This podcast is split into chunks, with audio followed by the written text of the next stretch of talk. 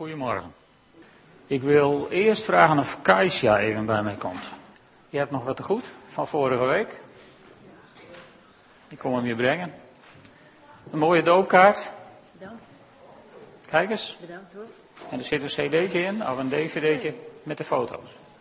Heel erg bedankt. Veel plezier ermee. Iedereen, iedereen heel erg bedankt voor alle aandacht, mooie geschenkjes, mooie gedachten, lieve woorden. Bedankt. Goed geweest, hè? Ja. Zie je?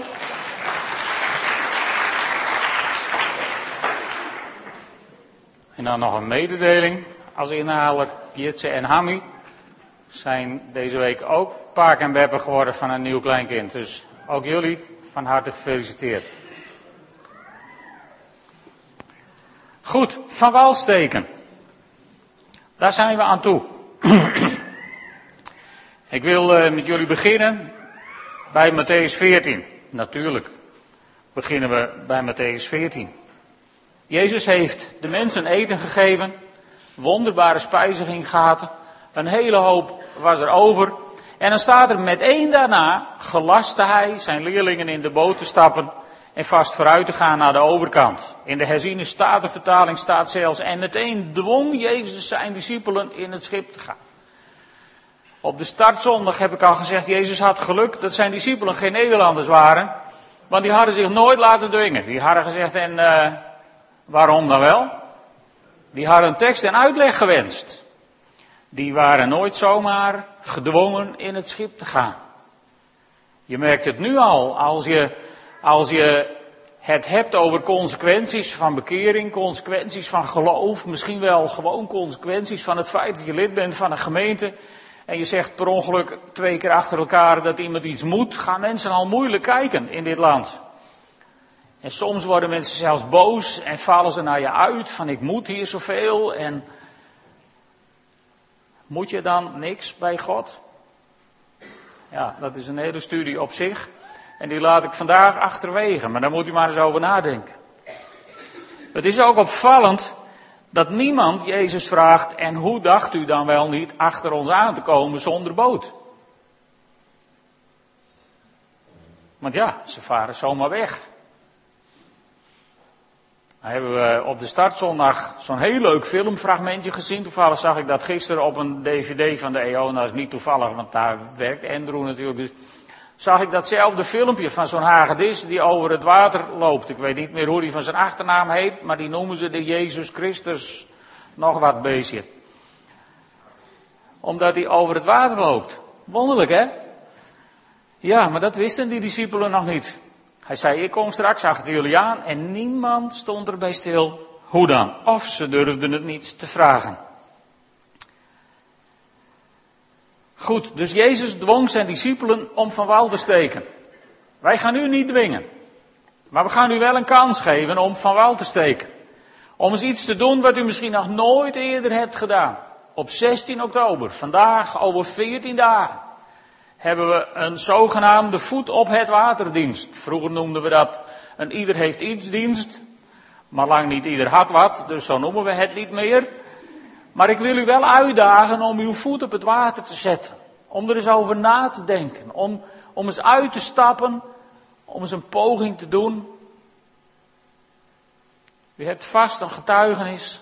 Ik kan me niet voorstellen dat hier mensen zitten die helemaal niks met Jezus beleven. Vertel er eens iets over. Deel er eens iets voor. Daar is die dienst voor bedoeld. Tot zover de reclame. Als Jezus met zijn discipelen op reis is in de evangeliën, dan zie je uitspraken van Jezus en dan proef je een zekere urgentie in de dingen die Jezus doet, in de dingen die Jezus zegt. We zullen daar een paar voorbeelden van zien. En misschien moet u ook wel niet te lang nadenken van zal ik op 16 oktober wel of zal ik op 16 oktober niet. Misschien moet u ook wel niet te lang nadenken over het feit van zullen we ons kindje laten opdragen of niet. Dat kan op 23 oktober. Misschien moet je ook wel niet te lang meer nadenken van zal ik me nou eens laten dopen of niet. Misschien moet je ook wel niet te lang meer nadenken van zal ik nou lid worden van deze gemeente of zoek ik gewoon een andere. Wat kunnen wij treuzelen eigenlijk? In het zoeken van een stukje zekerheid, in het alsmaar nadenken over dingen. De vraag is, waar wacht u eigenlijk op? Waar wacht u eigenlijk op? Laten we eens kijken naar een reactie van een paar mensen in Matthäus 4. In Matthäus 4, Jezus is, is net aan zijn bediening begonnen. Hij is net, heeft hij zich laten dopen door Johannes. Toen is hij 40 dagen volledig uit beeld verdwenen, want toen was hij in de woestijn met Satan. Dus hij had helemaal nog niet zo'n reputatie. Ik bedoel, niemand had hem nog gezien op God Channel of UCB of wherever. Niemand kende hem nog. Hij was nog een onbekende rabbi. En dan komt hij langs het meer. En dan zag hij twee broers, Simon, die Petrus genoemd wordt, en zijn broer Andreas. Ze wierpen hun net uit in het meer, het waren vissers. En hij zei tegen hen, kom, volg mij, ik zal jullie vissers van mensen maken. Weet je, deze jongens, die, die, ze kenden Jezus waarschijnlijk amper, of niet? Deze jongens waren ook niet op de Bijbelschool geweest, dus die hadden ook niet geleerd van wat is vissers van mensen. Ik bedoel, catechisatie hadden ze misschien wel gehad op zijn Joods, maar over vissers van mensen was voor hun volgens mij een volslagen nieuw begrip. Dus er komt iemand langs, die zegt iets volstrekt onzinnigs tegen je, en je laat dat wat je in je handen hebt, laat je vallen, en weg ben je. Nou had Jezus natuurlijk een bijzondere autoriteit. Dat is waar. Laten we dat met elkaar vaststellen. Het staat hier, ze lieten meteen hun netten achter en volgden hem. Even verderop zag hij twee andere broers, Jacobus, de zoon van Zebedeus, en zijn broer Johannes. Ze waren met hun vader in hun boot bezig met het herstellen van de netten. Hij riep hen en meteen lieten ze de boot en hun vader Zebedeus achter en volgden hem. Hij heeft vast een schriftgeleerde gestaan die dacht, nou hier uw vader en uw moeder. Of, of wat, andere, wat andere theologische voorwaarden waarom dit niet zou kunnen. Maar ze lieten hun vader zomaar in de steek en weg waren ze. Vertrokken. Achter Jezus aan. Met één staat er. Bij allebei. Deze mannen die, die, die namen niet eh, een maandje de tijd om daar eens over na te denken. Die gingen niet oeverloos discussiëren met iedereen van zal ik wel of zal ik niet. En het wonderlijke is dat Jezus ook gewoon zegt, volg mij. In de gebiedende wijs. Jezus komt niet langs van, joh, mag ik jullie een suggestie doen? Jezus komt ook niet een foldertje brengen over een de Jezus Christus bediening. Zo van, van, zouden jullie eens in overweging willen nemen of jullie mij eventueel zouden willen volgen als het jullie past? Helemaal niks. Jezus komt langs en die zegt, kom, volg mij. En daar gaan ze. Dat treuzelen wij soms veel te lang. En natuurlijk moet je in sommige gevallen best wel bevestiging zoeken. Maar hoeveel jaar wil je daarvoor uittrekken in je leven? Als je weet dat God een bepaalde kant met je uit wil, als je het gevoel hebt dat God aan je trekt, als je misschien de stem van God in je leven wel gehoord hebt om bepaalde keuzes te maken. En er zijn ook dingen die kun je gewoon lezen in het woord van God hoor. Daarvoor hoef je niet te wachten op de stem van God. Bekeer je en laat je dopen, staat hier gewoon zwart op wit in. En, en, en zo zijn er nog wel wat dingen. Daar hoef je echt niet een bevestiging voor te zoeken. Daarin moet je gewoon gaan. Gaan, omdat Jezus je roept, omdat Jezus zegt, volg mij.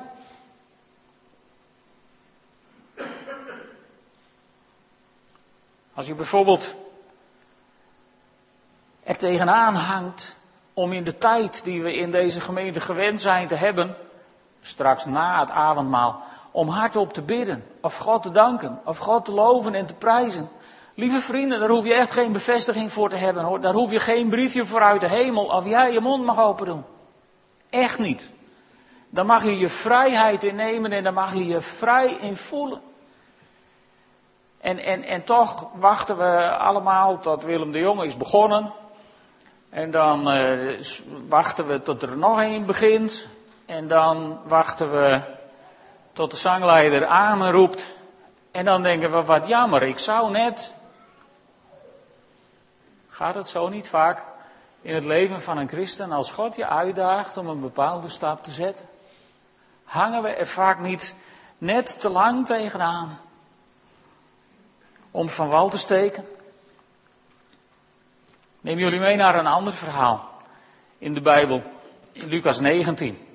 In Lucas 19 is Jezus op weg naar Jeruzalem. We naderen het einde van zijn leven op deze aarde.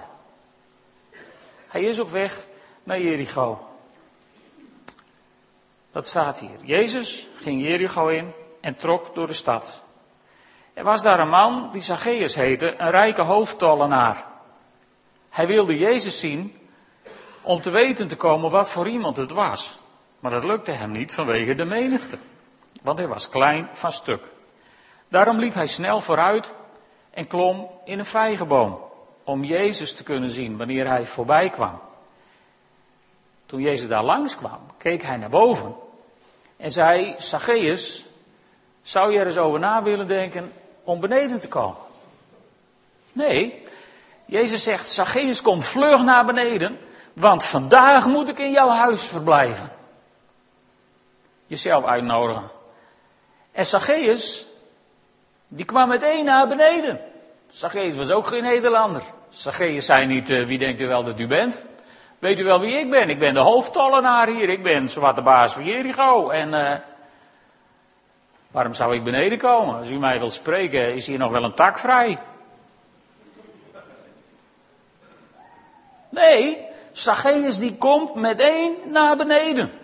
En ontving Jezus vol vreugde bij zich in huis. En allen die dit zagen, zeiden morrend tegen elkaar. Zulke mensen zijn er ook altijd. Morrenden. Ze zeiden morrend tegen elkaar. Hij is het huis van een zondig mens binnengegaan. Om onderdak te vinden voor de nacht. Maar Zacchaeus was gaan staan. En zei tegen de Heer. Kijk, Heer. De helft van mijn bezittingen geef ik aan de armen. En als ik iemand iets heb afgeperst, zal ik het viervoudig vergoeden. Over consequenties van bekering gesproken. Jezus zei tegen hem, vandaag is dit huis redding ten deel gevallen, want ook hij is een zoon van Abraham. De mensenzoon is gekomen om te zoeken en te redden wat verloren was. Kom vlug naar beneden, zegt Jezus tegen hem. Hij bestelt hem als het ware gewoon op de grond. En Zacchaeus is er meteen bij. Wat was er eigenlijk in Jericho? Er was iets, er was iets, iets heftig mis in Jericho. Jezus was er eens eerder geweest en toen zat daar een blinde stumper langs de kant en die zat te schreeuwen en die moest zijn mond houden. Zacchaeus mocht niet roepen. Of uh, Bartimeus mocht niet roepen. En Zacchaeus mocht niet kijken. Wat was er toch mis in die stad? Waarom was de orde waarin alles geschiedde belangrijker dan de genezing en de redding van mensen? Lieve vrienden, als wij een kerk willen zijn waar, waar zondaren gered worden, dan zullen we ze eerst moeten verleiden om binnen te komen. En als ze dan binnenkomen, dan kan het wel eens zijn dat er wat anders binnenkomt dan we gewoon gezellig met elkaar gewend zijn. Mensen die het jargon nog niet kennen en, en de gewoontes misschien ook nog niet. En, en het zou maar zo kunnen, willen wij dat? Blinden die gewoon niet zien hoe het hoort. Kleintjes die gewoon niet begrijpen wat we willen. Zijn er zo in uw leven ook dingen waar u zich aan ergert? Als u hier bent? Weet je, het lag niet aan Zacchaeus. Er staat heel subtiel in dit Bijbelgedeelte. Hij wilde Jezus zien, maar dat lukte niet vanwege de menigte. Er staan de laatste tijd veel, veel artikelen in de krant over kerkverlating, met name door jongeren. En wat mij de laatste week opvalt, is dat de teneur van die stukken telkens zo is dat jongeren één probleem hebben met de kerk en dat is dat ze Jezus er niet ontmoeten. En dat ligt niet aan de stenen, dat ligt ook niet aan de stoelen, dat ligt aan de mensen. Je kunt wel zeggen, nou het ligt aan de tradities, maar tradities zijn van mensen. Hoe kan het dat mensen ondanks zoveel christelijk volk om hun heen Jezus niet zien? Dan is er toch iets fundamenteel mis, zou je zeggen. Zacchaeus wilde Jezus zien. Hij was hartstikke nieuwsgierig naar die Jezus. En misschien wist hij in zijn hart al lang van, en als ik Jezus ontmoet, dan, ja, dan gaan de dingen anders. Maar het kon hem niet schelen wat het kostte. Het interesseerde hem niet wat de consequenties waren. Hij wilde Jezus zien. Hij wilde Jezus ontmoeten. En dat lukte niet vanwege de menigte. Zijn wij soms misschien ook zo'n menigte, waardoor het andere mensen niet lukt om Jezus te ontmoeten? Zo'n vraag die dan bij je opkomt, bij mij opkomt, als je een week zo'n zo'n Bijbelgedeelte op je bureau hebt liggen en er telkens weer naar kijkt. Het lukte hem niet vanwege de menigte. Nogmaals, zijn er dingen waar u zich aan ergert? En is dat echt de moeite waard om het zicht op Jezus daardoor te verliezen?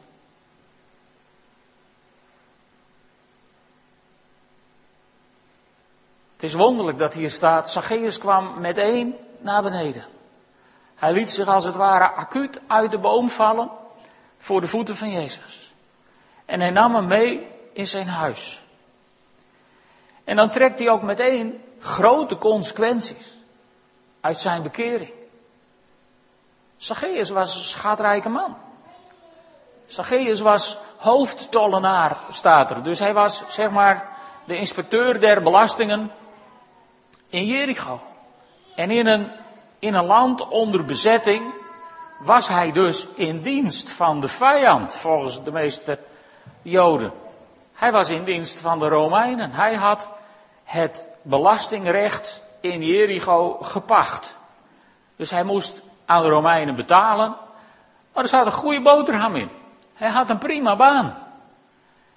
En daarbij waren er genoeg tollenaars die namen het niet zo nauw. Die hieven iets meer belasting dan de Romeinen hadden voorgeschreven. En dat staken ze gewoon in hun zak. Dat mocht niet, ook niet van de Romeinen. Maar het gebeurde wel.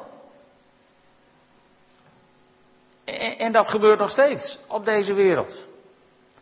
Er zijn genoeg landen, als je wat ingevoerd wil hebben door de douane, dan moet je wat los geld bij je hebben. Anders gaat het gewoon niet. En er zijn misschien nog wel andere zaken waar dat voorkomt. We noemen het corruptie, maar voorkomen doet het. Ook Zacchaeus zal daar niet vreemd aan geweest zijn, absoluut niet. Maar dan zegt hij tegen Jezus, ik geef de helft van mijn vermogen geef ik aan de armen. En als ik iemand iets heb afgeperst, zal ik het hem viervoudig vergoeden. En nog was Zacchaeus niet failliet. Dus hij was niet armlastig. Het was een rijk man. En hij bleef ook, zover wij weten, gewoon hoofdtollenaar. Jezus zegt ook niet tegen hem dat hij zijn baan moet opzeggen. Jezus verwijt hem niet dat hij werkt voor de Romeinen. Jezus neemt hem helemaal niet kwalijk dat hij goed in de slappe was zit. Jezus prijst hem alleen maar. En hij zegt, vandaag is dit huis redding ten deel gevallen. Prachtig. Als je dit leest over Zacchaeus, dan valt je op hoe schril het contrast is met iemand die Jezus een hoofdstuk eerder ontmoette. In hoofdstuk 18. In hoofdstuk 18 komt er een rijke jonge man bij Jezus. En die begint met goede meester, wat moet ik doen? En dan geeft Jezus hem een aantal aanwijzingen uit de wet. En dan zegt hij, nou mooi, dat doe ik allemaal al. En dan zegt Jezus, nou heb ik nog één kleinigheid. Verkoop alles wat je hebt, geef het aan de armen en volg mij. Dat staat hier. Toen Jezus dat hoorde, zei hij nog één ding ontbreekt u. Verkoop alles wat u hebt en verdeel de opbrengsten onder de armen. Dan zult u een schat in de hemel bezitten. Kom daarna terug en volg mij. Toen de man dat hoorde, werd hij diep bedroefd. Hij was namelijk zeer rijk, net als Zacchaeus. Toen Jezus zag dat de man zo bedroefd werd, zei hij, wat is het moeilijk voor rijken om het koninkrijk van God binnen te gaan. Het is gemakkelijker voor een kameel om door het oog van een naald te gaan, dan voor een rijke om het koninkrijk van God binnen te gaan. Leuk verhaal over die kameel. Er zijn mensen die zeggen, ja, er was in, in Jeruzalem naast Grote Poort, was een klein poortje. En dat heette het oog van de naald. En daar kon die kameel op zijn knieën net doorheen kruipen, als hij niet te zwaar bepakt was. Nou, dat is een leuk verhaal, maar volgens mij heeft Jezus dat niet bedoeld. Want dan was het niet zo onmogelijk geweest als dat het in de ogen van Jezus was. Het kon gewoon niet. Een groot contrast met Zacchaeus. Zacchaeus, die geeft de helft weg en die mag de rest houden. Deze rijke jongeling, die krijgt van Jezus het woord dat hij alles moet verkopen en weggeven. Waarom? Ik denk omdat Jezus het hart aanzag van deze beide mannen. En hij zag hoe het hart van die rijke jongeling vast zat aan zijn bezit. En hij zag hoe Zacchaeus door zijn ontmoeting met Jezus was losgeraakt van zijn bezit. Hij zag als het ware dat de bezittingen van de rijke jongeling de rijke jongeling hadden.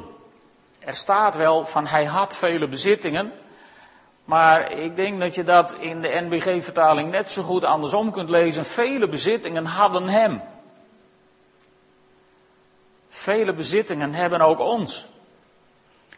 En door die vele bezittingen zijn we slaaf, misschien wel, van onze economie, misschien, van onze pensioenvoorziening, misschien, van onze economie, misschien wel, van de aandelen die we misschien wel hebben. Vele bezittingen kunnen ons hebben. En bij Zacchaeus hadden ze hem ineens niet meer, want Jezus had hem.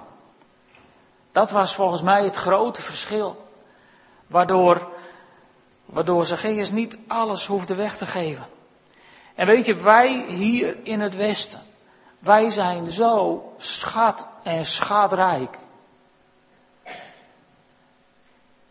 Na twee weken in Ghana is het me dat nog veel helderder geworden. Hoe ongelooflijk rijk we hier zijn. Je hoeft nooit te denken, zou de Does het vandaag doen of zou hij het niet doen? Die doet het gewoon altijd. En, en, en, en als je dan bij Compassion hoort dat het selectiecriterium is, je moet even goed opletten, verwende Nederlanders, dat het selectiecriterium is dat je alleen maar in aanmerking komt voor ondersteuning van Compassion als je uit een gezin komt waar je één maaltijd per dag of minder krijgt. Wij zouden moord en brand schreeuwen als we in een gezin woonden waar je maar twee maaltijden per dag kreeg. Toch? Want we eten toch drie keer of net? En dan moet er niks ontbreken bij de koffie of bij de thee. En s'avonds naar, eh, want dan verhongeren we toch? Of niet? Wij zijn zo ongelooflijk schatrijk hier in het Westen. En, en door die rijkdom kunnen we ons de luxe veroorloven om rijk te zijn in voorwaarden, in ergernissen, in maatstaven waaraan mensen en de gemeente en God moeten voldoen voordat het ons naar de zin is. De twee kerkdiensten waar we in Ghana in zijn geweest, daar, daar had ik niet de indruk dat mensen zo'n gigantische lijst met voorwaarden hadden waar alles aan moest voldoen. Die mensen gingen gewoon uit hun dak. En die kregen in hun armoede een preek om de oren over tevredenheid, waarvan ik dacht, nou, dat durf ik thuis zo niet te roepen. En er werd niemand boos. En er liep niemand uit. En toen de muziek aanging en horen en zien je werkelijk verging, toen dansten ze met z'n allen uitgelaten en werd er ontzettend groot feest gevierd. Wij zijn schatrijk hier in het Westen. Maar we veroorloven ons ook Een rijkdom in voorwaarden richting God, waar we eens goed over na moeten denken. Moet dat wel zo blijven? Je kunt het nog zo vroom aankleden. Je kunt de kameel prachtig verpakken en je kunt hem elk vroom sausje meegeven zodat het al zo kerkelijk lijkt. Maar hij kan nog steeds niet door het oog van de naald. Dus het blijft een probleem.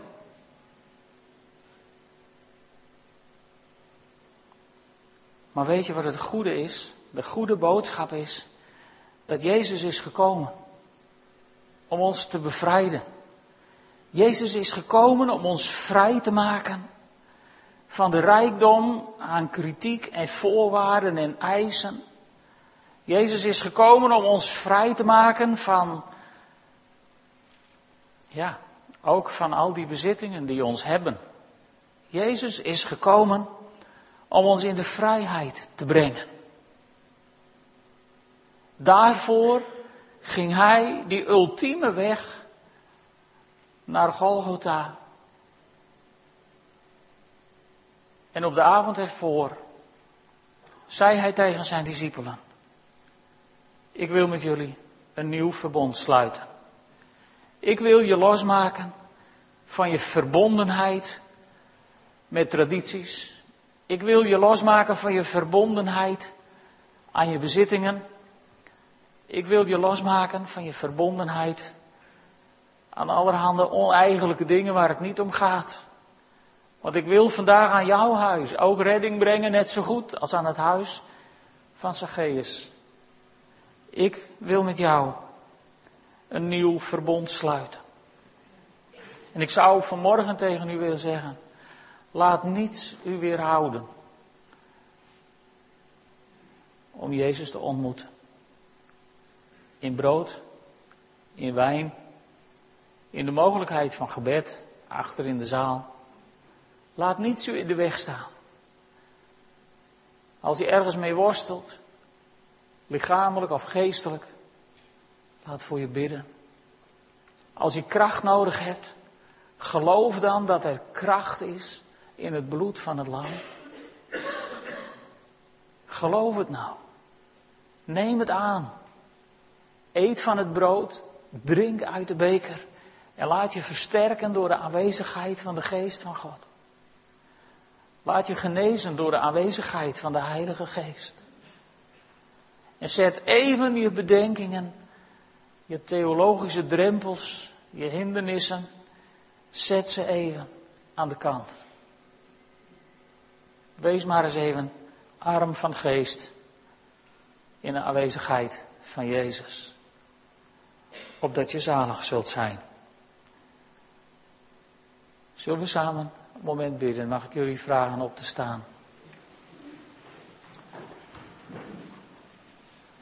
Vader in de hemel, we zien in uw, in uw woord, we zien in, in de verslagen van uw leven, in de evangeliën telkens weer, dat u het goede met mensen voor hebt. Heer, en we zien ook voorbeelden van groot succes. We zien ook voorbeelden waarin het succes er niet is, omdat de mens anders kiest dan u had gewild. Heren, en onze levens zullen niet veel anders zijn dan de levens van toen.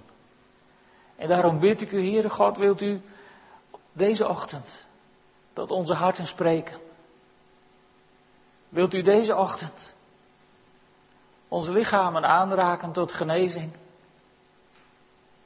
Wilt u deze ochtend ons buitengewoon versterken door brood en wijn? Heer, als we zo avondmaal vieren met elkaar, Heer, wilt u dan al die kleine ergernissen wegnemen uit onze gedachten? Wilt u ons vrijmaken, Heer, van al die dingen in de menigte waardoor we u misschien wel niet zien. Laat het niet gebeuren deze ochtend, Heer, dat we het zicht op u missen. Terwijl we avondmaal vieren. Heere God, en zo verwacht ik een machtig werk van uw Heilige Geest deze ochtend. En in die verwachting zegen ik brood en wijn in de naam van de Vader, in de naam van de Zoon en in de naam van de Heilige Geest. Halleluja. Amen.